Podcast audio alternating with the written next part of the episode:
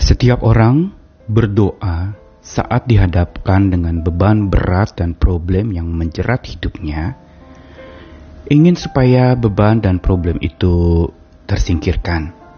Tidak ada lagi atau setidaknya dibuat menjadi lebih ringan lah supaya dapat dipikul. Tetapi sesungguhnya doa kita sebagai orang percaya bukan semata agar beban berat dan problem yang menjerat itu raib dari hidup kita. Karena bila dengan mata iman dan hikmat yang daripada Tuhan, sesungguhnya semua beban berat dan problem yang menjerat itu yang Tuhan izinkan terjadi, walaupun Tuhan juga tidak ingin membebani kita dan memberikan problem kepada kita. Sesungguhnya Tuhan ingin justru lewat itu semua kita menjadi belajar. Lewat perizinannya untuk kita mengalami beban berat dan problem yang menjerat, kita bukan semata hanya minta untuk supaya problem kita hilang. Tetapi justru di situlah cara iman dan hikmat Tuhan bekerja dalam diri seorang percaya.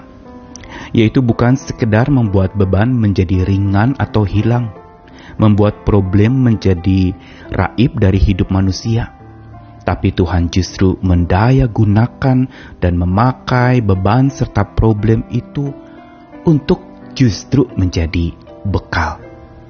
Bekal apakah? Tidak mudah tentu saja menjadikan beban sebagai bekal untuk masa depan. Namun bukan berarti tidak mungkin. Oleh tangan Tuhan segalanya mungkin. Saya Nikolas Kurniawan menemani lagi di dalam Sabda Tuhan hari ini dari dua bagian Lukas pasal 22 ayat 31 sampai 32 sebuah pengingatan Tuhan kepada muridnya Simon Petrus. Simon Simon lihat iblis telah menuntut untuk menampi kamu seperti gandum tetapi aku telah berdoa untuk engkau supaya imanmu jangan gugur dan engkau jikalau engkau sudah insyaf, kuatkanlah saudara-saudaramu. Lalu Ibrani 12 ayat 11 dikatakan, memang tiap-tiap ganjaran pada waktu ia diberikan tidak mendatangkan sukacita, tetapi duka cita.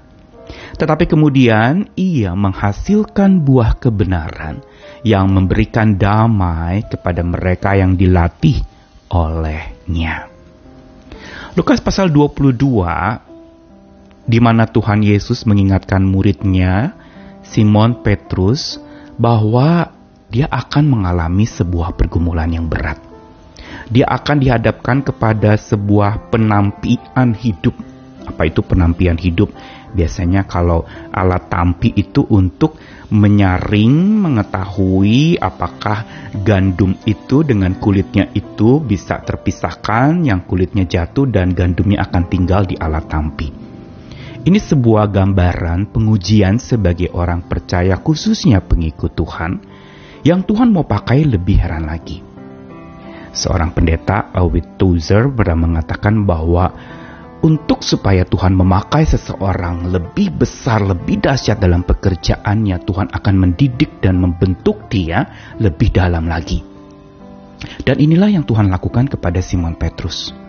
Dia menampi seperti gandum, untuk supaya kualitas gandum yang baik itulah yang ada di alat tampinya. Untuk supaya Simon Petrus yang kokoh, yang kuat, yang dewasa itu sungguh terlahirkan lewat masalah hidup lewat beban, lewat ujian yang berat yang menimpa dirinya. Dan di sinilah kita lihat bagaimana cara Tuhan bertindak, mendidik dan melatih seseorang. Bukan berarti Tuhan itu menyetujui penyangkalan atau Tuhan itu menyetujui beban berat menimpa manusia atau masalah menghancurkan manusia, tidak. Tapi justru Tuhan ingin lewat itu semua seseorang jadi kuat. Tuhan ingin supaya lewat itu semua seseorang menjadi dewasa. Dan masalah, problem berat, dan beban berat itu didaya gunakan justru menjadi alat penguat. Ini yang Yesus katakan kepada Simon Petrus. Jikalau engkau sudah insyaf, kuatkan saudara-saudaramu.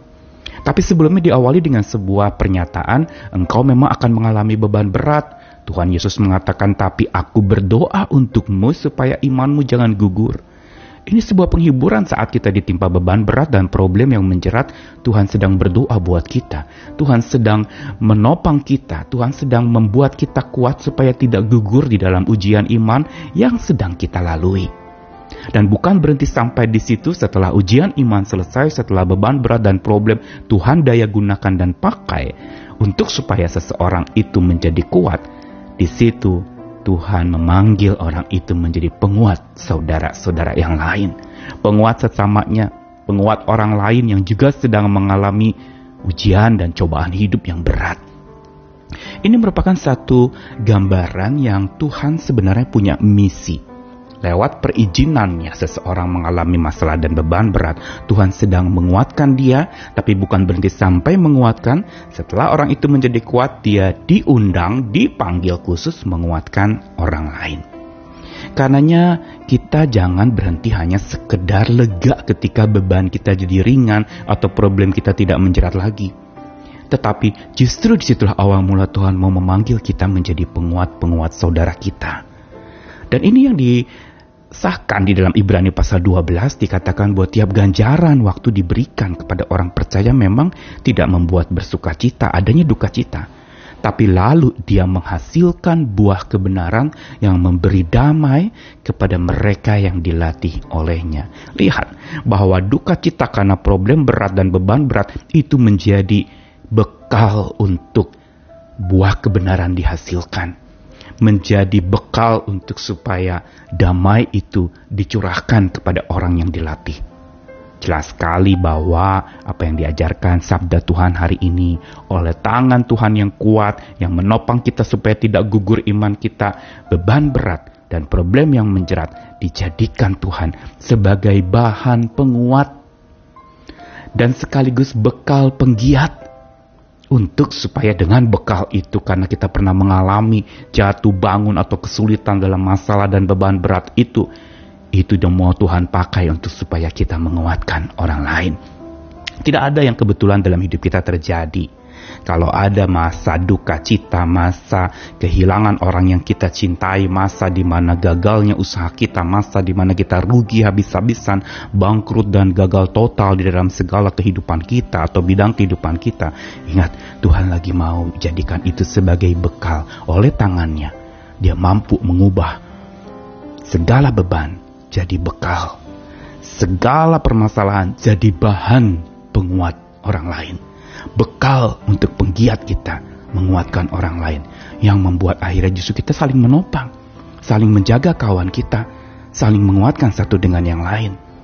Dan di sinilah pendaya gunaan oleh tangan Tuhan, beban jadi bekal itu akan dicurahkan dan diarahkan kepada kita supaya kita juga mendaya gunakan beban-beban hidup kita jadi bekal untuk menolong orang lain. Tuhan mengasihi kita sekalian. Ayo jangan hancur-hancuran atau jangan larut di dalam problem dan beban berat. Tetapi jadikan itu sebagai anak tangga untuk engkau naik lebih tinggi lagi. Dan setelah itu jadi penguat buat orang lain. Tuhan mengasihi kita, dia mau pakai kita justru karena dia mau pakai kita. Dia izinkan kita mengalami masalah dan beban berat. Selamat berjuang, selamat bersandarkan kepada Tuhan yang selalu jaga iman kita supaya tidak gugur. Amin.